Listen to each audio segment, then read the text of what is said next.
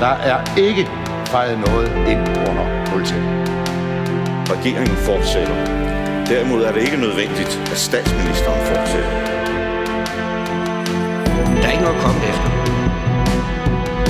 Per Helle, pas rigtig godt på dem. De er kun til lås. Fordi sådan er det jo. Ja, jeg kan bare sige, at der kommer en god løsning i morgen.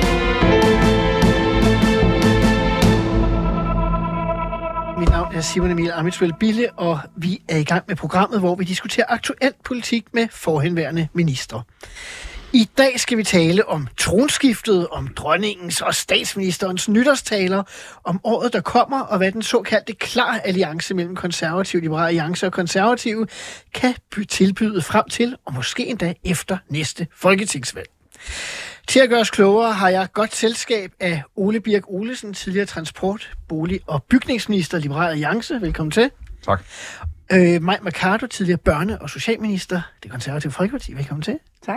Og Rasmus Helve Petersen, tidligere klimaminister og tidligere udviklingsminister for det radikale venstre. Velkommen til. Tak. Mit navn er som sagt Simon Emil Amitsføl Bille, og jeg er din vært på Ministertid Live. Vi lægger ud med dronningens nytårstale. Maj Mercado som god øh, konservativ. Hvad gik der gennem hovedet på dig, da du øh, sad, stod og, og så talen? For det går jeg jo selvfølgelig ud fra, at du gjorde. Ja, absolut, absolut. Jamen, øh, at det var meget historisk. Øh, og øh, jeg har jo to børn, øh, en på 10 og en på, øh, på 6 år. Og øh, de plejer også at se nytårstalen. Men jeg tror faktisk også, at de forstod, at det, der skete, hvor hun ligesom udtaler ordene, at hun abdicerer, at der blev der bare helt stille. Til trods for, at der var endnu mindre børn i lokalet, så var der bare helt stille. Øhm, og, og kæmpe overraskelse. Hun har jo for ikke så mange år tilbage sagt, at abdikation var ikke øh, noget, hun så øh, for sig, og var en mulighed. Så øh, jeg havde ikke set det for mig overhovedet kom, at hun ville, øh, at hun ville abdicere. Men jeg tænker bare sådan, som en god øh, konservativ, altså, render hun ikke af pladsen i forhold til, øh, hvad man kunne forvente af en dronning? Nej, det gør hun ikke. Fordi hun har jo været dronning i 52 år, og hun har gjort det forbilledeligt.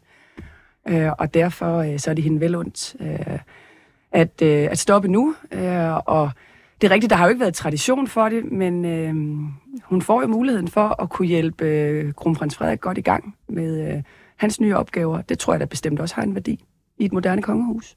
Vi skal tilbage til 1100-tallet, før at der senest var en uh, frivillig Vi skal tilbage til Erik Lam. Ja, lige præcis.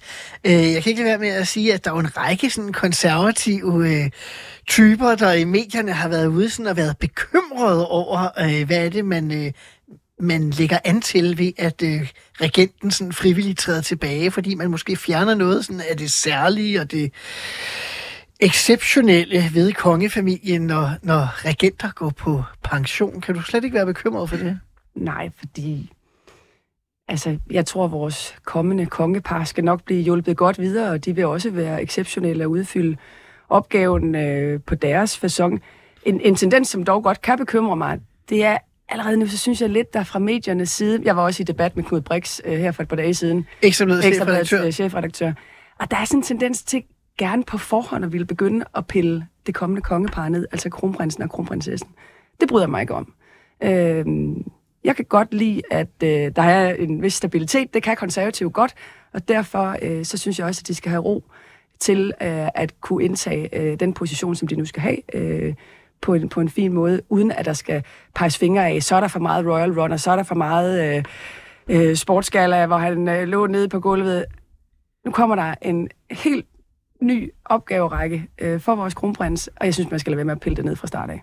Måske er det fordi, at man måske meget forbinder det konservative folkeparti med Gud, konge og fædreland. Jeg vil Det godt lige er stille stadigvæk. endnu et spørgsmål til dig, Maja Mercado, inden vi går videre.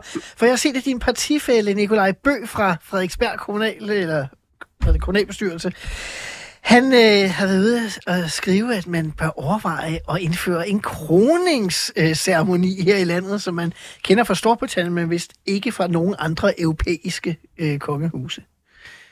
Synes du, det er en god idé? Det kunne det da godt være. Altså, øh, som konservativ kan man så, kan man så få for meget pomp og pragt, spørger jeg bare. øh, det tror jeg ikke. Øh, ligger det for lige nu? Nej, det gør det nok ikke. Øh, men, men det at få en storladen ceremoni, som måske også er mere end, undskyld mig, bare at statsministeren udråber fra øh, regenten fra de fire verdenshjørner. Altså, jeg synes, den skal have alt, hvad den kan trække. Ole Birke Olsen, er det anledning til at se på, om der er ting, der skal forandres, nu man, øh, nu man er i gang? Det kunne være kroninger eller andre ting.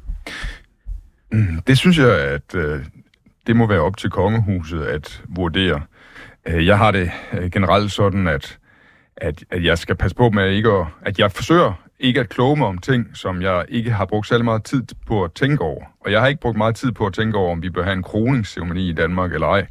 Og derfor så holder jeg mig fra at kommentere på det, ligesom jeg heller ikke kommenterer på, hvordan øh, øh, Næstrup sætter FCK's hold øh, om søndagen, eller hvordan øh, landsholdstræneren sætter landsholdet, øh, når der er landsholdskamp. For det har jeg heller ikke forstand på. Så hvis bare folk ligesom kommenterer på det, som de bruger tid på at tænke over, så kan meget være vundet. Øhm, og også det med, om, om dronningen må gå af eller ej.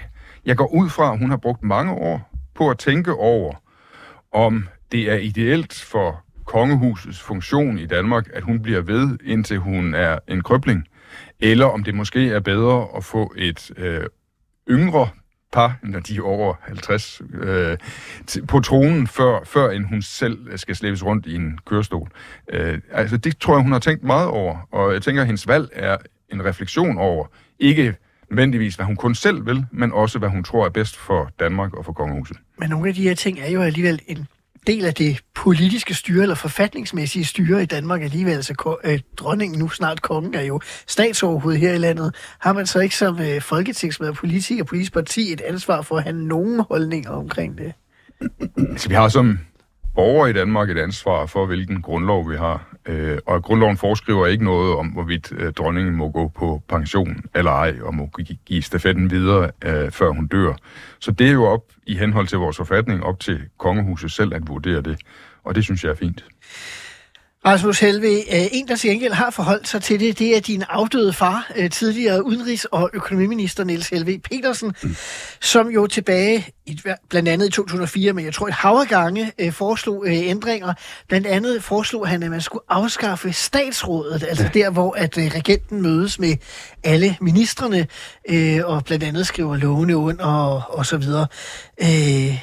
Er det også noget, du selv har gjort dig tanker om? Ja, jeg tror, at alle mennesker af kød og blod med en puls, der har deltaget i et statsråd, har haft lyst til at afskaffe det. Jeg er gået fra, at det også gælder de øvrige. Nej, jeg er uenig. Jeg vil virkelig gerne svare på det. Nå, okay, ja. Nå, okay, ja, så er bolden der givet op.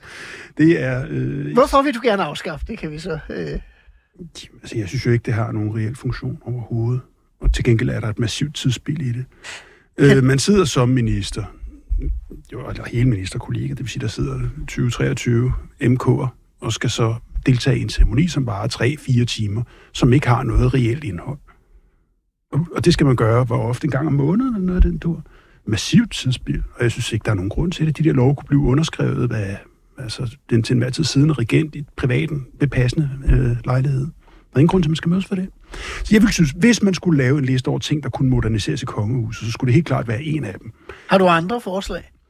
Jeg har godt tænkt over, men jeg ved ikke rigtigt, hvorfor det er sådan, at det er statsministeren, der skal udråbe den nye regent, når man nu siger, at Folketingets formand jo er rigets øverste, under dronningen i hvert fald. Hvorfor er det ikke Folketingets formand, der fra Folketinget skal udråbe den nye regent? Det har jeg faktisk ikke rigtig kunnet forstå. Gør det nogen forskel? Altså, jeg synes, der er et meget stærkt symbol i at sige, at Folketinget alligevel er øverst i hierarkiet, og også over den til enhver tid siddende statsminister. Det er jo ud af Folketinget, at statsministeren bliver udpeget og fundet. Så ja, jeg synes også sådan set, det vil være et symbol at sige, at det er alligevel Folketingets formand, der skal udpege. Der var i hvert fald ikke tvivl om, at der øh, var puls, øh, både hos mig, Mercado og Ole Birk, øh, da Rasmus Helve foreslog, at, øh, at vi skulle afskaffe statsrådet, og at alle, der havde deltaget, synes at det, det skulle afskaffes. Vi har jo alle fire øh, været til, til statsrådsmøder som, øh, som minister. Øh, hvorfor vil I ikke afskaffe det?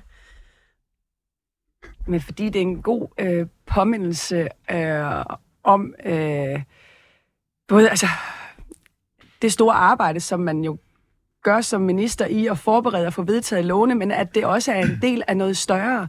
At det er en at vores land øh, rummer den her fælles historie og den fælles fortælling og identitet, som kongehuset jo bibringer.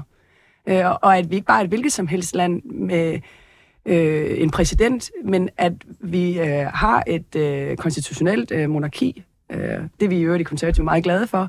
Så, og den statsrådene rummer den påmindelse, øh, og det synes jeg er en vigtig påmindelse som, øh, som minister, at man er både folkets tjener, det er det, minister betyder, men samtidig så er man også en del af en større ramme, en større historisk ramme. Jeg får lige Rasmus Helve ind. Jo, men den påmindelse kunne jo ske en gang om året, for eksempel. Over altså, en småkage og en kop kaffe, hvor man snakker om året, der er gået. Man behøver ikke at spille tre timer en gang om måneden på det. Så den påmindelse synes jeg simpelthen ikke kan måles op i den umådelige mængde tid, der bliver brugt på det. Men- Men det er jo skørt, hvis det bedste argument er, at man kan effektivisere tre timer om måneden. Altså, Jamen, det er den øh, eneste det, argument, det kan du jo gøre over i dit ministerium på, øh, på andre øh, områder. Også det. Øhm, jeg synes, det er vigtigt, at vi har statsråd. Det er i øvrigt også i et statsråd, at abdikationen sker, øh, og at den øh, nye konge jo øh, formelt øh, kommer til at, øh, at blive, blive udråbt, og det skal jo så øh, bringes videre ud til, til Danmark. Det er derfor, de træder frem på balkongen. Jo, men- Så statsrådene har en betydning, både formelt, men også uformelt. Men så kan man jo holde et statsråd i den anledning. Altså når der skal abdiceres eller andet større. Der er jo ikke nogen, det er jo ikke nogen særlig grund for at gøre det en gang om måneden, måneden bare til den her underskrivelse af de nye lov. Er der ikke en pointe i det, Ole Birk? Fordi jeg tænkte da i hvert fald, da jeg så, at det skulle ske til et statsråd, at endelig skulle der ske noget indholdsmæssigt til et statsråd. Jeg øh, gik til mine første statsråd med Niels Helves ord i baghovedet om, at det var spild af tid. Øh, fordi det havde øh, Niels Helve øh, tænkt over og, og talt om det her. Øh, og jeg havde en ganske anden oplevelse. Jeg havde den oplevelse, at der var en højtidlighed omkring statsrådene, som gjorde, at der også blev en alvor omkring det at være minister og regering, at det øh, satte en alvor i os som minister og regering, at det vi lavede, det er vigtigt, øh, og det er ikke bare pjat. I modsætning til, synes jeg, det der nogle gange får i folk, foregår i Folketingssalen, hvor folk øh, siger øh, hvad som helst, der bare lyder smart, øh, hvor øh, store debatter øh, bliver akkompagneret øh, af fredagsslik, som om, at vi var små børn, øh, der ser Disney-show. Øh, den slags øh, pjattede ting, som foregår i folkestyret, hvor vi er gode venner alle sammen, og klapper hinanden på skulderen, når kameraerne er slukket, at, at det hele bliver lidt for vendesalt, at der er øh, den alvor, som sættes af statsrådet, dronningens tilstedeværelse, rammerne, man sidder i, hvor man sidder omgivet af meget store malerier af skældsættende tidspunkter i Danmarks historie, som er de slået op. fire forskellige religiøse perioder. Det er religiøse perioder, ja. Men, men, og der, man kan se religionen i det, man kan, og man kan også se historien i det. Det vælger man selv. Øh, at det var øh, ekstremt øh, befordrende for, at vi forstod, at det her er altså alvor, det er ikke bare pjat. Og så lige omkring øh, det andet, du sagde, hvad var det nu, det var? Om det var formanden for Folketinget, der Nå, ja. udråbe regeringen. Altså, jeg går enormt meget op i at øh, også holde belærende taler, øh, også for, som folk synes er for belærende, tror jeg, om adskillelsen af den udøvende, den lovgivende og den dømmende magt. Og dronningen er jo en del af den udøvende magt, ikke en del af den lovgivende magt. Øh, hun er øh, udpeger en regering formelt set. Øh, I virkeligheden er det selvfølgelig Folketinget, der gør det, men hun er en del af hun er i ledtog med regeringen, øh, og, og derfor er det selvfølgelig også statsministeren, der skal sige, at vi skal have en ny øh, konge i stedet for dronningen. Øh, ja. Jo, jeg har den præcis modsatte opfattelse af det. Jeg synes nemlig, at statsrådene er pjat. Her er alvorligt arbejde, der er i gang, når man som minister skal sidde og prøve at lave en grøn omstilling, eller på andre måder lave dybgroende reformer og tage vigtige samfundsemner op. Og så skal man så pludselig trækkes igennem noget, som faktisk ikke har noget med ens arbejde at gøre, fordi der er en dum tradition, der foreskriver det. Så har den stik modsatte oplevelse. At Jeg synes netop, det er statsrådet, der er pjat. Lige en parentes, altså ifølge grundlovens paragraf 3 er den lovgivende magt hos kongen og Folketinget øh, sammen. Øh, bare lige for at sige det. Uha. yes. Øh, og den udøvende magt er hos kongen, øh, som så udøver den gennem sin regering. Bare sådan, så det øh, formelt er på plads. Jeg vil godt lige være lidt fræk, Ole Birk øh, og mig Mercado. Vi har jo oplevet fælles statsråd. Jeg har jo ikke oplevet det med Rasmus Helve, så jeg skal ikke kunne sige, hvordan de var der. Jeg vil godt sige, at jeg har faktisk vækket en kollega under et statsrådsmøde. Jamen, det er, vel, fordi, du, det er vel fordi, du sad ved siden af Claus Hjort. Det er jo en kendt sag. Uh, jamen, det har, det har Det kan jeg skam... bekræfte. Jeg tænkte, det er der ikke nogen, der tør at sige. Så siger han. Jo, men det står, det står jo i den... Nu er, det, nu er det mig, der næsten øh, mister bevidsthed der. Det står jo i den bog, så vidt jeg har forstået, den bog, der er skrevet om ham, øh, som... øh, Han var nummer 5, og jeg var nummer 7 i statsrådet, men sidder de ulige på samme side, ja. så det er Jeg rigtigt. tror, at Susanne Helund har skrevet en bog, øh, som hedder Livvagten om Claus Hjort Frederiksen, hvor, hvor det står beskrevet, at han godt kunne tage en lille, øh, lille lur under statsrådet. Han har også sagt det i et program, jeg så for nylig. uden at, at brede det for meget ud på personer i. Det var ikke mig, der nævnte navnet i første omgang her, men det skal nok være. Øh, jeg tror da også, jeg har set nogen, der har beskæftiget sig med andet end statsrådsmødet under statsrådsmødet. Formentlig. Øh, Og det... Øh, Men ingen konservative. Ikke være, det har jeg faktisk ingen erindring om, det skulle være konservative. Faktisk, det vil jeg gerne bekræfte. Men det, jeg har, har så opdaget i løbet af de to og en halv år, jeg nåede at være minister, det var, at øh, øh, selvom man jo i starten er vant til, at hvis der ikke sker noget omkring en, så kan man kede sig, og så kan man eventuelt tage telefonen frem under bordet og kigge ned.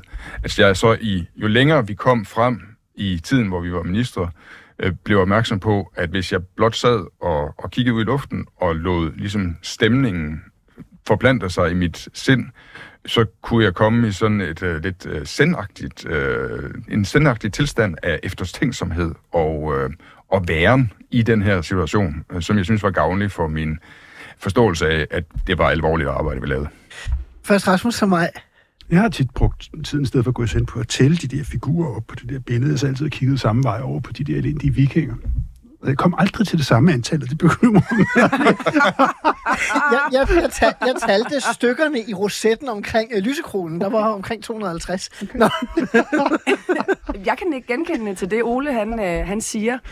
Øhm, og i virkeligheden, øh, så kunne det jo give sådan lidt mindfulness, øh, hvor at man, øh, man netop sådan kunne blive draget ind i, og faktisk også at, at høre øh, de ramser, der bliver sagt, fordi det, det er jo ramser, øh, som pågår, hvor at der er en prøv at forklare, hvordan det foregår. Jamen, det foregår sådan, at man i øh, statsrådets rækkefølgen, det vil sige alt efter hvilket øh, nummer man er i, i den øh, rangorden, så når man har et lovforslag på, øh, så inviterer dronningen ligesom en til at præsentere det lovforslag, og så siger man, alt afhængigt af, hvor langt øh, lovforslaget er nået, om det skal bekræftes, øh, jamen, så siger man den her øh, faste ramse, øh, og, øh, og så underskriver dronningen så øh, loven. Ja, Jeg, jeg vil sige, for jeg har også set nogen, som sad og lavede andet. Jeg, jeg, jeg synes, og det var også nogle gange, at statsministeren kom med en reprimande øh, på, sta- på ministermøderne. Øh, men jeg synes ikke så meget, at det var mobiltelefonen, folk de sad med, men folk sad og læste sager. Også det. Og det, det synes jeg simpelthen ikke. Det kan man jo ikke gøre og være ordentligt fokuseret på, undskyld mig, samtidig med, at man skal sidde inde i det her fantastisk smukke rum og havde al mulighed for at, øh, at lytte. Jeg tænker, vi lader majestaten øh, være majestat, og en, i hvert fald indtil den 14. Øh, januar, hvor hun bliver afløst af Christian, øh, undskyld, Frederik den 10. Og så går vi videre til en anden nytårstale, nemlig statsministerens nytårstale. Hun brugte jo, øh, Mette Frederiksen, jo også en stor del af sin tale på øh, selvfølgelig øh, tronskiftet, men hun sagde dog også lidt mere. Jeg vil gerne lige øh, give nogle øh, referater af et par kommentarer, øh, der kom. Hvad sagde de forskellige partier? Martin Lidegaard undrede sig over, at øh, der ikke blev brugt et eneste ord på klimaet og den grønne omstilling. Den konservative formand Søren Pape var lidt i samme, øh, samme øh, banehandel. Der bliver jo taget flere møller ned, end der bliver sat op lige nu. Vi når aldrig i mål. Vi får aldrig en anden verden, hvis ikke vi tør bruge tid på det her, sagde han. Alex Vanderslag, LA-lederen, var lidt mere øh, underfundig, for han øh, synes, at talen var en tynd kop te. Men da hun ikke havde talt særlig meget om politik, mente han også, at det måtte være hendes bedste, øh, så at sige. Fordi så slap han vel for at høre på den socialdemokratiske politik, og det var han åbenbart øh, glad for. Hvis vi prøver at gå lidt mere sådan, øh, ind i det, altså, var det ikke meget passende i virkeligheden, at hun primært talte om tronskiftet, når nu vi var i så historisk en, øh, en position? Hvad man kalder jo, selvfølgelig. Øh, og hun kunne jo ikke gøre andet end at skrive talen om. Øhm, Men jeg synes også, at enten skulle hun holdt, have holdt sig til kun øh, at tale om tronskiftet. Øh, Det kunne man få en meget, meget flot tale ud af. Eller også, så skulle hun også øh, have adresseret nogle af de svære samfundsudfordringer, som vi står med. Det synes jeg faktisk, man kan forvente af en statsminister, at man adresserer noget af det, der er svært. Og der valgte hun de lette point. Øh, hun valgte et forslag, som jeg tror øh, ikke, der er nogen i øh, Folketinget, der er modstander af, øh, nemlig at give bedre mulighed for fertilitetsbehandling. Det er sådan et vinderforslag, men det er også et meget smalt forslag. Og jeg mener bare lige om, at i nytårstalen for 2022, der adresserede hun jo den her store ældrereform, øh, og den venter vi jo så stadigvæk på. Det helt sjove er jo faktisk, at på vej hertil i dag, så så jeg, at det er jo så ikke lykkedes Socialdemokraterne for at aflyse deres kampagne. Så der er jo den her meget fine kampagne på både busser og busstoppesteder og alle mulige andre, hvor der står, vi passer på dem, der passer på os. Og så er der nogle billeder af nogle, øh, nogle ældre og nogen, der arbejder i sundhedsvæsenet alligevel. Så det var lagt an til at skulle handle om øh, ældre- og sundhedsreform, men hun tog det hele væk, og jeg synes bare, det havde været godt, hvis hun stadigvæk havde adresseret de her store udfordringer, der er på, på særligt de to områder. Og så selvfølgelig også klima. Altså, der var, tror jeg, en sætning om klima. Det bliver også lidt for tyndbenet. Så når man vælger at gå ned ad den sti, når man vælger at sige noget politisk, så synes jeg, man skulle tale om de store udfordringer. Men Ole Bjerg Olsen, kan man ikke omvendt sige, at det var en god tale? Altså, når man ikke øh, er så øh, partipolitisk og bare sidder som dansker og ser den der tale, så er det jo nærmest rart, at hun taler lidt om Ukraine og lidt om Israel og om tronskiftet, fordi det er sådan nogle ting, der kan samle folk, og i stedet for, at, at det skal være sådan et eller andet budskab, man skal ind i hovedet, når man sidder som, øh, som borger i landet. Det, det kunne det måske godt have været, hvis ikke vi havde en regering for øjeblikket, som virker som om, den leder efter, hvad den skal lave. Fordi så, når man ser den, hendes nytårstale, statsministerens nytårstale, i det lys, at vi har en regering, der ikke rigtig har noget at lave for tiden, så, så, bliver, så bliver dronningens afgang til en undskyldning for heller ikke at tale om noget væsentligt i nytårstalen. Hvis jeg havde været statsminister, hvilket jeg aldrig bliver, så ville jeg have øh, selvfølgelig talt om dronningens afgang, men derefter ville jeg have talt om politik. Fordi det er jo ikke sådan, at øh, vi kun kan tale om én ting i det her land. Vi kan, vi kan både have, have, have store fodboldkampe og øh, begivenheder i kulturlivet og politik og kongehuset samtidig. Men mindre man leder efter en undskyldning for at sprede politikken endnu mere ud, end man i forvejen gør, øh, smøre den endnu tyndere, end man i forvejen gør, så bliver det, at nå, nu skal de så til at tale om dronningens afgang de næste to-tre uger, så, bliver, så, så gemmer vi simpelthen bare det andet, øh, som også er vigtigt, som vi synes er vigtigt, som vi påstår er vigtigt, til et andet tidspunkt, hvor vi kan have lov til at have dagsordenen for os selv. Altså det, det tyder på en regering, der simpelthen øh, har for lidt at lave, og har for, for, for lille en mission i tilværelsen, øh, en, for lille en eksistensberettigelse, synes jeg, til at... Øh, og det, og det, så bliver det for fristende at, at udnytte dronningens afgang til ikke at snakke om politik. Men hvilke emner havde du håbet, hun havde taget? Jamen altså, jeg går jo op i ting som, at vi skal øh, forberede fremtidens velstand med dygtige reformer af det danske samfund, at vi skal have et velfærdssamfund, der tager mere hensyn til den enkeltes individuelle behov og mulighed for os at sikre sig selv via opsparing. Øh, jeg går op i klima, jeg går op i natur, jeg går op i flere ting, og det skulle jo så være det, som Mette Frederiksen gik op i. Og det var så aktuelt det her med en ældre reform, som hun ville have talt om, øh, men som hun så udskød, fordi hun fik lejligheden til det. Uh-huh. Øh, og den lejlighed havde hun jo ikke behøvet at bruge. Hun kunne godt have talt om ældrepolitik, uh-huh. samtidig med, at vi har en dronning, der går af. Rasmus Helvig. Men, jeg har faktisk set hende uh, citeret, talen citeret af Timothy Gordon Ash, den uh, britiske historiker i Financial Times, fordi hun, det, hun sagde om Ukraine i en europæisk målstok, faktisk er kontroversielt og interessant. Jeg vil gerne absolut rose hende for en ord om Ukraine i talen, som jeg synes var godt. Altså, man skulle støtte hele vejen? Man skal støtte hele vejen. Man skal ikke lave de her half measures, og kampen mod russerne i Ukraine er simpelthen en, som russerne ikke må vinde. Og det betyder så, at vi selv skal yde nogle betydelige og langsigtede input til Ukraine. Det er faktisk ikke givet. Og at vi er så øh, offensivt på det i Danmark, og der er så stor enhed om, det er faktisk særligt. Så jeg var glad for, at hun lige betonede den. Men når det så er sagt, så øh, synes jeg godt nok også, det er skørt at tage et så snævert forslag som fertilitetsbehandlingen, og lægge det oven i noget, som ellers bare er en dronningetale. Der skulle hun have holdt den rent på de helt overordnede. Så det enten var overordnet, eller hun var gået ind i politik i virkeligheden? Ja, absolut. Al- din egen partileder øh, klagede jo, som jeg sagde i begyndelsen, øh, ligesom Søren Pape Poulsen over, at der ikke var mere på klima. Det er jeg selvfølgelig enig i. Jeg går voldsomt op i klima, og synes selvfølgelig, det er altså, skørt vigtigt, og vi skulle gøre meget mere. Og det er et af denne regerings store, store svagheder, at de har deres eget operationelle flertal, og er ikke i stand til at omsætte det til klimahandling. Det er en skandale, jeg synes, det blev udstillet den her nytårstale. Hvad kan du? Jeg er fuldstændig enig, for det lægger sig på ryggen af, at man jo før jul opgav at få lavet de her fælles 2025-mål. Mm. Og nu er vi i 2024. Det er jo en kæmpe erklæring. Ja. Og det er så pinligt. Og, hvis det, og det er jo lige præcis rigtigt, at de har jo et flertal. Ja. De kan jo bare mase det igen, hvis det er, at de har lyst til det.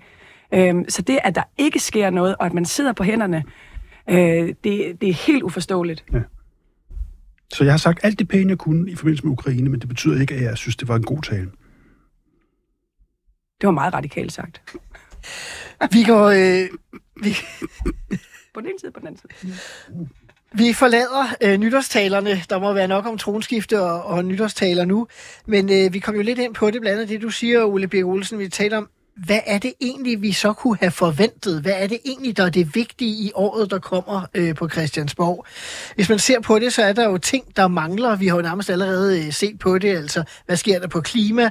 Hvad sker der med de der øh, CO2-afgifter, som vi jo har øh, diskuteret så uendelig lang tid? Hvad sker der med ældreudspillet? Kommer noget, der er også en sundhedsstrukturreform? Maja Mercado og jeg får øh, døde øjne, når vi hører ordet, fordi vi har siddet i Lars Lykkes øh, sundhedsudvalg under PLAK-regeringen, der også skulle lave sundhedsstruktur, der ikke blev til noget som helst. Øh, men det er vel de øh, ting, der bliver de store øh, her øh, i foråret. Vi har jo snakket om det her, så jeg indledning af. Vi hører jo om den her klar alliance også. Øh, de her tre partier, der er til stede, Konservative Liberale Alliance, Radikale Venstre. Øh, kan I sammen presse regeringen øh, på de her områder, Maja Mercado? Det synes jeg i hvert fald, vi skal gøre. Øh, lige her før jul, der kom jo meldingen øh, om, at iværksætterstrategien, den var udskudt. Den er udskudt her til januar. Også den? Øh, også den.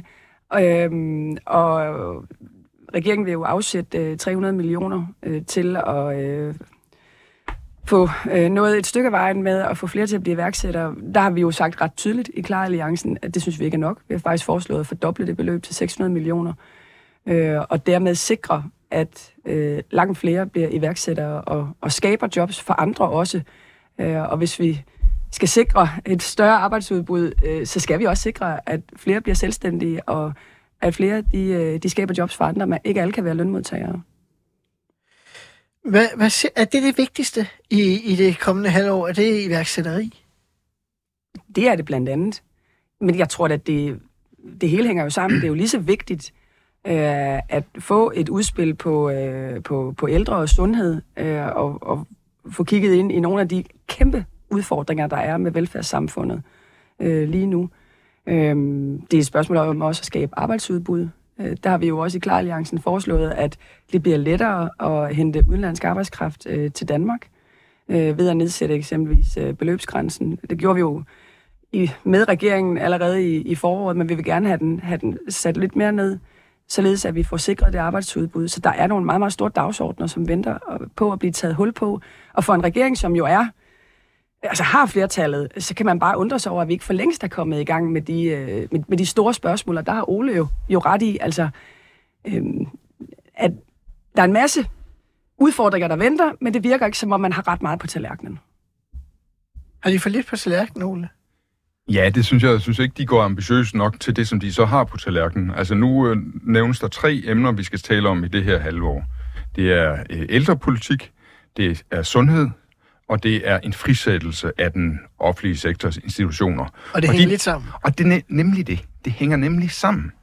Fordi øh, det, der er pointen omkring frisættelsen af de offentlige institutioner, er jo en rigtig god pointe. Det er, at hvis folk ellers har de rette incitamenter derude, de rette tilskyndelser, så er, er de nok bedst til at tænke øh, selv over, hvordan man gør tingene bedst, end at man øh, sætter centrale regler og målstyring osv. op hvis de har de rette incitamenter.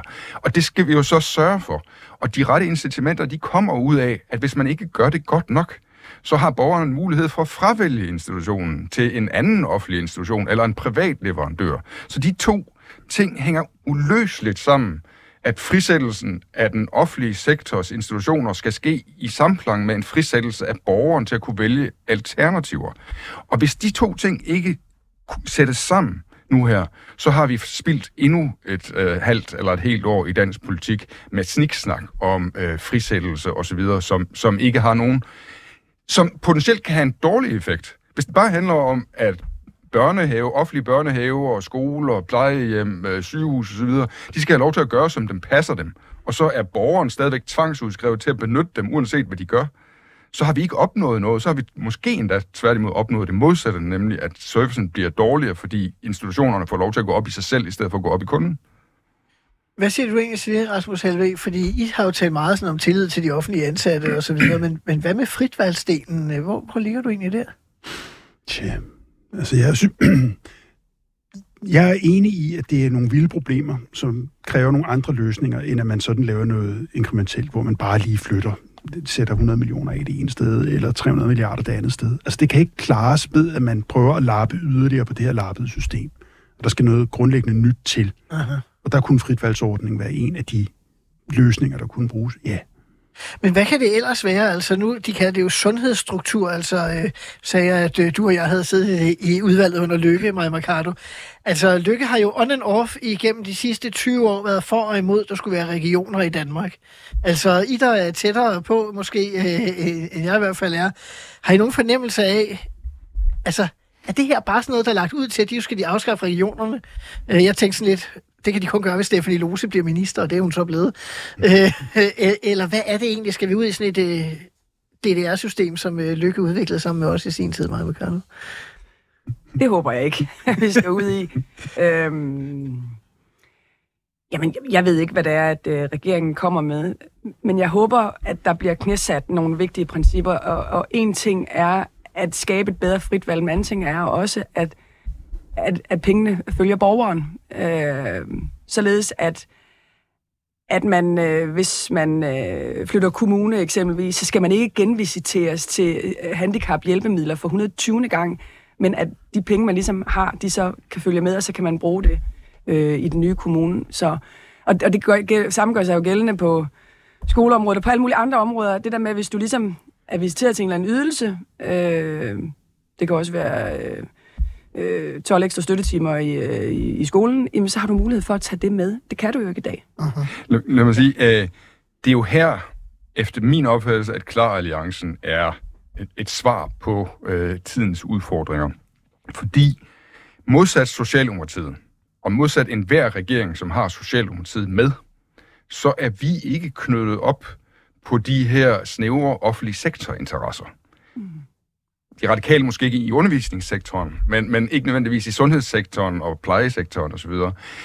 De der snævre offentlige sektorinteresser, hvor, hvor, det, hvor det hævdes hele tiden af de fagforeninger, som har med området at gøre, at, at, at man taler for borgeren og brugeren og velfærden, men i virkeligheden taler man for de ansatte og deres interesser. Og der er det sådan med LA, K og radikale, Venstre, Moderaterne, hvis vi får dem ud af Mette Frederiksens klør, at vi kan bedre se på borgernes interesser og, og lade borgernes interesser komme først, som selvfølgelig også involverer, at der skal være gode ansættelsesforhold, fordi øh, ellers så forsvinder folk jo. Øh, og det, det skal tænke sammen, det her. Men, men, men det der med, at man har sin, ligesom min, sin, sin politik pansat i en fagbevægelsen, som Socialdemokratiet har, det forhindrer, at vi kan lave rigtige reformer i Danmark. Og, og der er det, vi har et svar her, tror jeg, sammen, hvis vi sætter os ned og udvikler på det.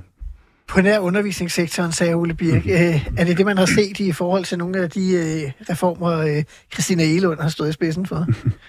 Jamen altså, jeg skal ikke gøre mig klog på, hvad det er, Ole han refererer til. Men jeg er helt enig i meget af det andet, han sagde.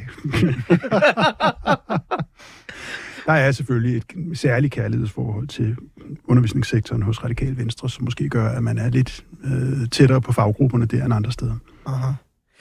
Men hvad er så udfordringen, hvis vi nu skulle vende det om? Ikke? Altså, man ser jo det ene indlæg efter det andet, øh, udspil og debatindlæg og så videre, øh, lederne af de her tre partier. Jeg skal jo øh, lidt tilbage, øh, før at øh, konservative og radikale i hvert fald øh, sad i regering sammen, som jeg kan forstå, Alex Vandopslag, han inviterer jo nærmest til, til bred borgerlig regering med deltagelse af både de radikale og moderaterne og alle andre, man overhovedet kan, kan trække over.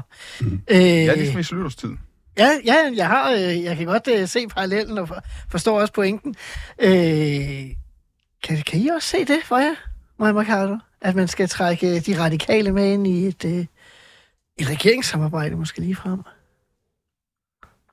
Ja, det kommer selvfølgelig an på, hvad, hvad der så ligger i, et, i sådan et regeringssamarbejde i form af et regeringsgrundlag. Klart. Fordi det er jo klart, at... Øh, altså en stram udlændingepolitik skal blive ved med at være øh, en stram udlændingepolitik. Øh, det at sikre kristendomskundskab i skolen, øh, fortsat øh, vigtig prioritering. Altså bare for at sige, at der er jo nogle områder, hvor at radikale adskiller sig fra konservative, på eksempelvis øh, undervisningspolitik, øh, hele synet på folkeskolen, øh, indvandring og lignende.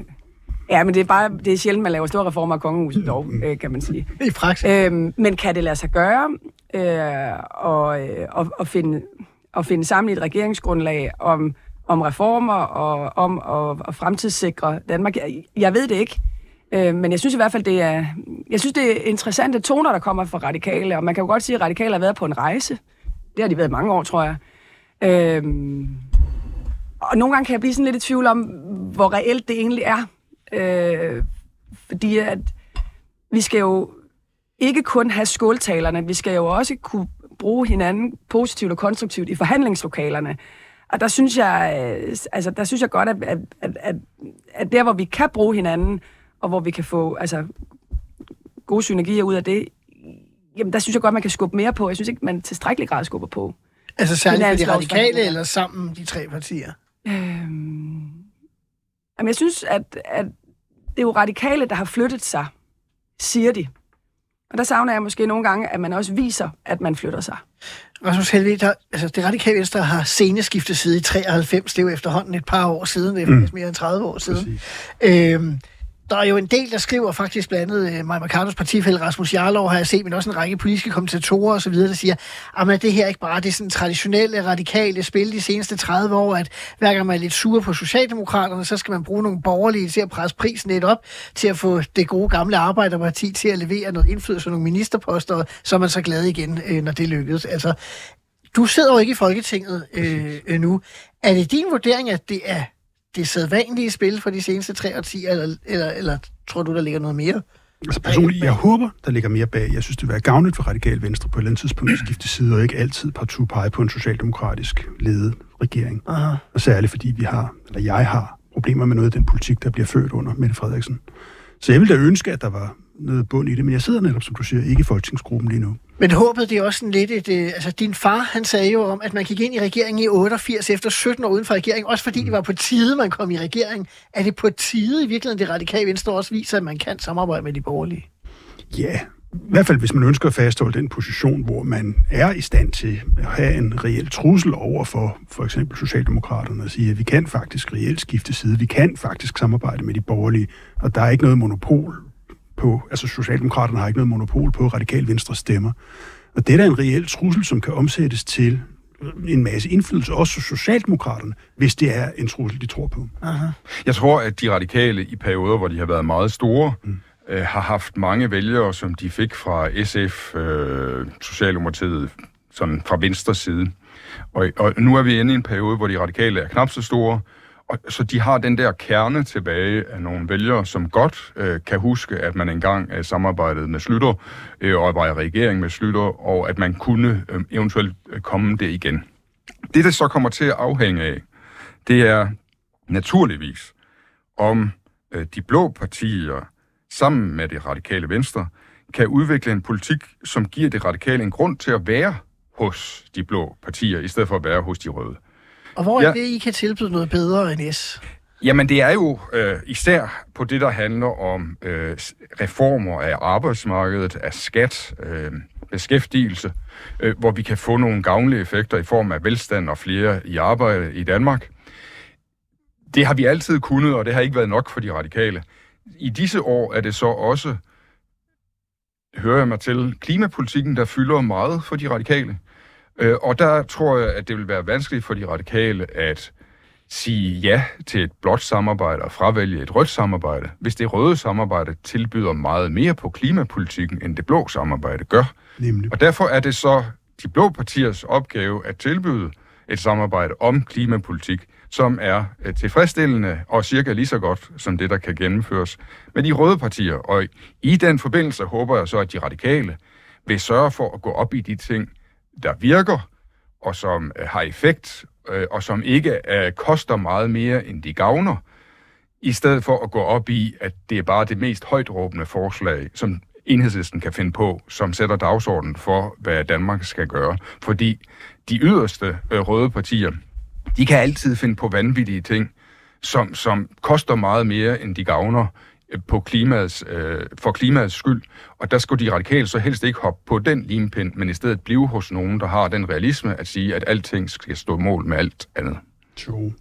Jeg må polemisk sige, at den snak, der kommer om atomkraft, lever præcis op til de der parametre, at det er dyrere og dårligere og langsomt. det er jo ikke rigtigt, øh, Rasmus, fordi vi bliver nødt til at tale om, hvad vi skal gøre, øh, når vinden ikke blæser og solen ikke skinner, hvis vi ikke fremover vil blive ved med at brænde så meget træ af, som vi gør i Danmark i dag. Øh, og det, for det med at brænde al den træ af, den biomasse af, som vi gør i Danmark for øjeblikket, er ifølge de fleste mennesker, som går op i klima, ikke en holdbar øh, strategi. Helt enig. Men der er jo, Så, så skal vi jo finde på noget andet. Og det, med, og det med at, sætte sin lid til, at vi nok i fremtiden finder ud af gavnlige måder øh, og, og, og kosteffektive måder at lave brint på og så videre og bruge den på, det er måske også en hockeystav, som, som, som I ikke kan tillade jer at holde i. vi tillader mig at springe tilbage til Oles oprindelige indlæg, der handler om, at man skal prøve at finde det, som er fornuftigt og kosteffektivt og giver os den rigtige klimagevinst. Det er så langt, at vi er enige, og når jeg så polemisk tog atomkraften op, så vi den ikke lever op til alt det. Men jeg er stadigvæk enig i udgangspunktet, der handler om, at vi skal selvfølgelig finde de bedste løsninger. På trods af den sidste kurve på tråden, Maja Mercado, så det kan lytterne ikke se, så sidder du i midten ellers med to øh, øh, mænd, der nærmest øh, flytter om et regeringssamarbejde. Øh, hvor står de konservative? Altså, Jamen, hvis den flirt skal udvikle sig, Aha. og man skal betragtes som en seriøs bejler, så skal man jo også vise noget. Og der er det ikke nok kun at skrive kronikker. Så skal man også øh, vise, hvordan og på hvilken måde, at man øh, vil kunne se sig selv i et blot øh, regeringssamarbejde. Og der er så bare lige den ene have, i hvert fald for mig, at når man bliver ved med at sige, at man rigtig gerne vil være en del af Mette Frederiksens regering. Øh, senest her i efteråret, øh, dengang at øh, Jakob Ellemann stoppede, altså så lavede Martin Lidegaard et interview, hvor han igen rakte hånden op og, og in- inviterede sig selv med. det var vel, da Mike Og Fonseca øh, forsvandt også, ikke? Jamen, og udfor- ja, det er rigtigt. Og, og udfordringen er jo, at de vil ikke have ham med. De vil ikke have radikale med i regeringen. Og så længe at flytteriet og bejleriet bliver fordi, at den anden part giver en kurv, så er det jo ikke et interessant Men, men, frieri. men det er jo egentlig et interessant øh, ordvalg, du bruger, ikke? Fordi, som jeg lytter mig til, LA ser sig selv som bejleren til det radikale venstre. Du og de konservative ser så mere de radikale som bejleren til de borgerlige. Er det rigtigt forstået? Altså, I vil gerne slæbe det med over, så I kan få et flertal og få magten, Ole. Sådan lyder det.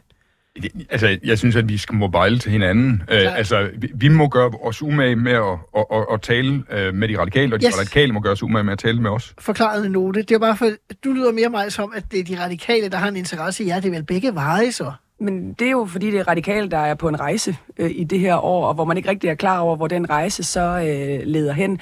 Men jeg tror, hvis, hvis du tolker, at der er en lidt større skepticisme hos det konservative Folkeparti, så tror jeg, at du har ret. Men det er også fordi, at konservative værdimæssigt ikke har lige så meget til fælles, som radikale og liberale alliance har.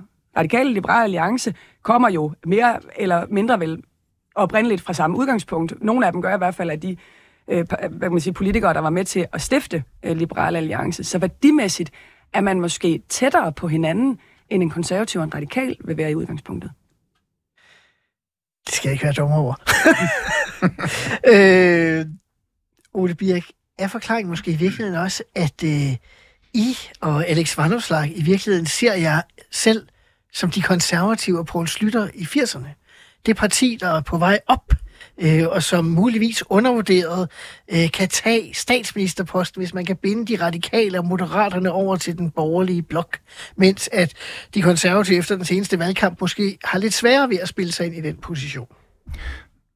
Det er i hvert fald en del af forklaringen, at vi i kraft af vores øh, størrelse, som, som er blevet større ved sidste valg end, end tidligere, og, og nu meningsmålinger, der hævder, at vi er på vej øh, endnu højere op, ser det sådan, at vi bliver nødt til at tage et større ansvar for helheden, end vi tidligere tænkte, hvor vi mere tænkte på, at vi skulle tage et ansvar for os selv. Øhm, og det vil sige øh, også være formidlere af det gode samarbejde internt i den øh, blå lejr, og øh, også være øh, med til at indbyde de radikale til at, at hoppe over. Det er jo ikke kun, det handler, altså det handler delvist, det handler om su- su- politisk substans. Vi tror, der er ting, vi partier, der ikke svinger med røde faner 1. maj, kan gøre sammen. Centrum højre, ligesom under Slytter. Og så det, det andet element, det er, om vi har en rød, rødt ledet regering næste gang, eller en blåt ledet regering næste gang, det afhænger af, hvordan flertallet er ved folketingsvalget. Vi har en Mette Frederiksen-ledet regering i dag, fordi der var rødt flertal i den gamle røde blok ved, efter folketingsvalget 1. november 2022. Hvis der havde været blot flertal, og ikke rødt flertal, så havde vi muligvis haft en anden regering. Forventeligt haft Hvem? en anden. Lars Løkke? Det har Alex jo sagt. Det kan være. Så, og, og så kigger vi ned i meningsmålingerne i dag, og så konstaterer vi, det ligger stadigvæk sådan cirka 50-50, den gamle røde blok med de radikale, og den nye blå blok med Moderaterne og Venstre. Og, og, og, og det er et meget snært resultat, om det bliver det ene eller det andet. Men hvis vi kunne overtale de radikale til at lægge deres lod et andet sted ved næste valg, så er det pludselig længere, så er det ikke længere så snært. I hvert fald ikke på nuværende tidspunkt, så, som det ville være, hvis de radikale de pansætter deres loyalitet hos en socialdemokratisk øh, kommende statsminister. Så det er jo også et ønske om at sørge for at lave de alliancer, som er nødvendige for, at vi kan få et andet flertal i det her samfund.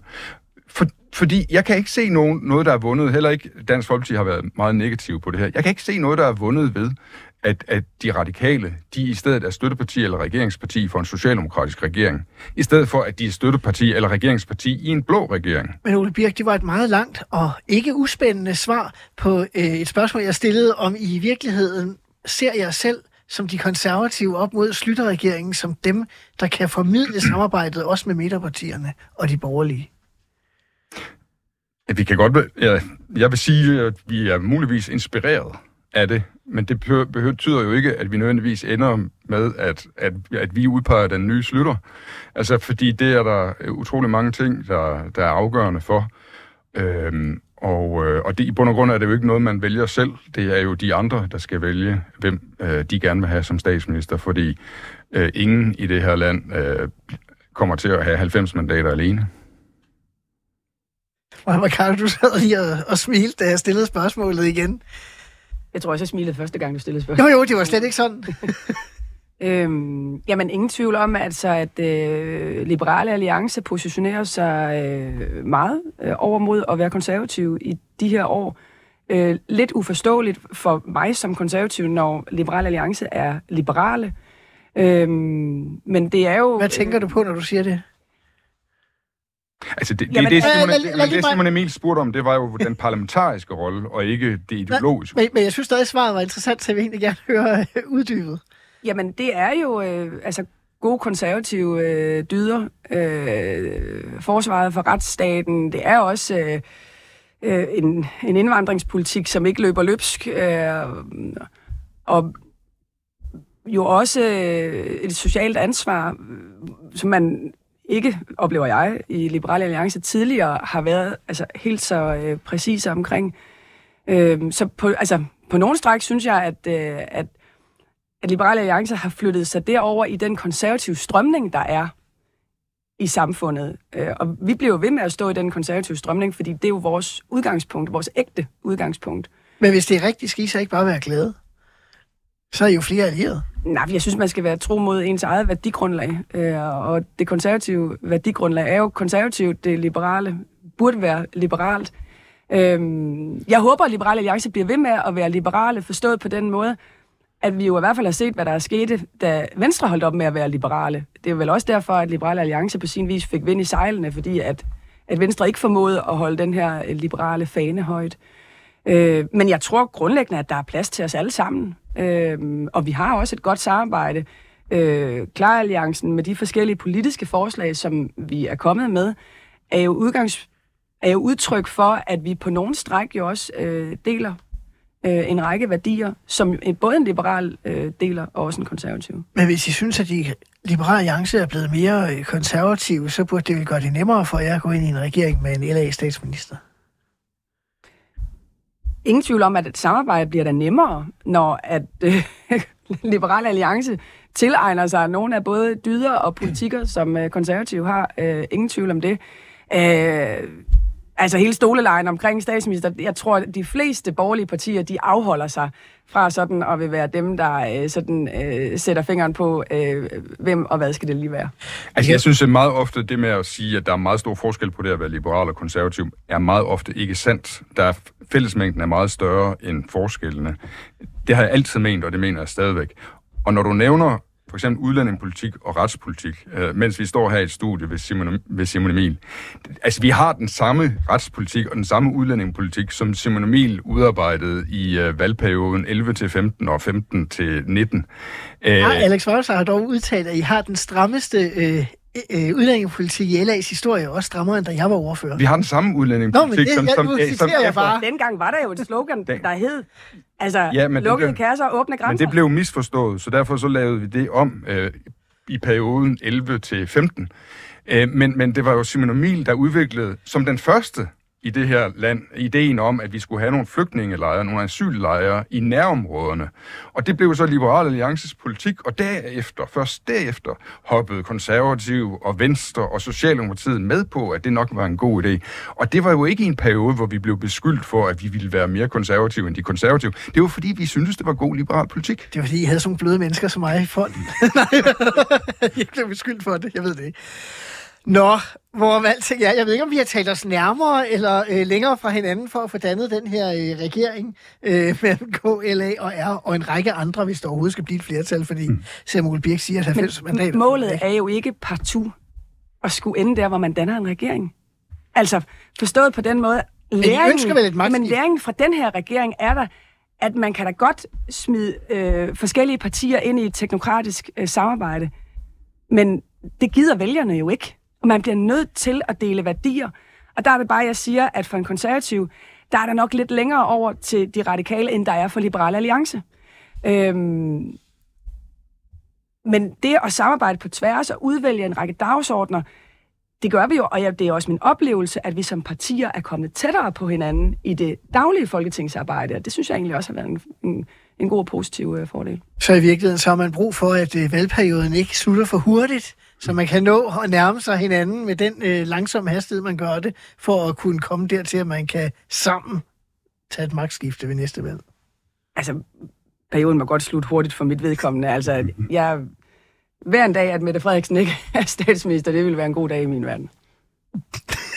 Rasmus Helve, er det også et mål i sig selv for dig? Nej, det er det jo ikke. Jeg er fuldstændig enig i det, Maj siger. Det er jo ikke et spørgsmål om at samle 90 mandater om at lave ingenting og have en teknokratregering. Det ser vi lige nu. Og det er ikke noget kønssyn. Så det må være, fordi man har en fælles politisk platform, at man går sammen. Hvis man kan skaffe det. Men jeg sidder ikke i Folketinget. Jeg bliver ikke med til at tage, ikke en del af at tage de her beslutninger. Vi ser frem til at se, om I får skabt en øh, fælles platform øh, frem mod næste valg. Øh, Maja Mercado, Ole Birk Olesen og Rasmus Helve, I skal i hvert fald have tak for at ville diskutere øh, det her sammen med mig, og til glæde for lytterne gør dem klogere på, om der er måske, måske ikke en øh, klar alliance, der også kan blive til en regeringsalliance øh, ved næste valg. Who knows? Til lytterne skal jeg sige, at øh, jeg er tilbage igen i næste uge med endnu en omgang ministertid live, og så er jeg tilbage på søndag med den sidste af en række af nytårsspecial med øh, min tidligere MF-kollega, nuværende politisk kommentator på BT, Joachim B. Olsen, hvor vi skal diskutere dem, der har kvalificeret sig til at være med i ministertid i løbet af 2023, det vil sige dem, der har mistet ministerposterne, og vi skal tale om, hvem vi tror kvalificerer sig til at være med i de her programmer i 2024, når der måske, måske ikke skal være regeringsrokader. Der skal i hvert fald være en kommissærudnævnelse, der skal måske, øh, øh, hvad hedder det, være andre internationale topposter, det ved man jo aldrig, og, og der er måske også nogen, der, der decideret får sparket. Ellers har jeg bare tilbage at sige øh, tak for i dag, og på genhør både på søndag og på næste fredag.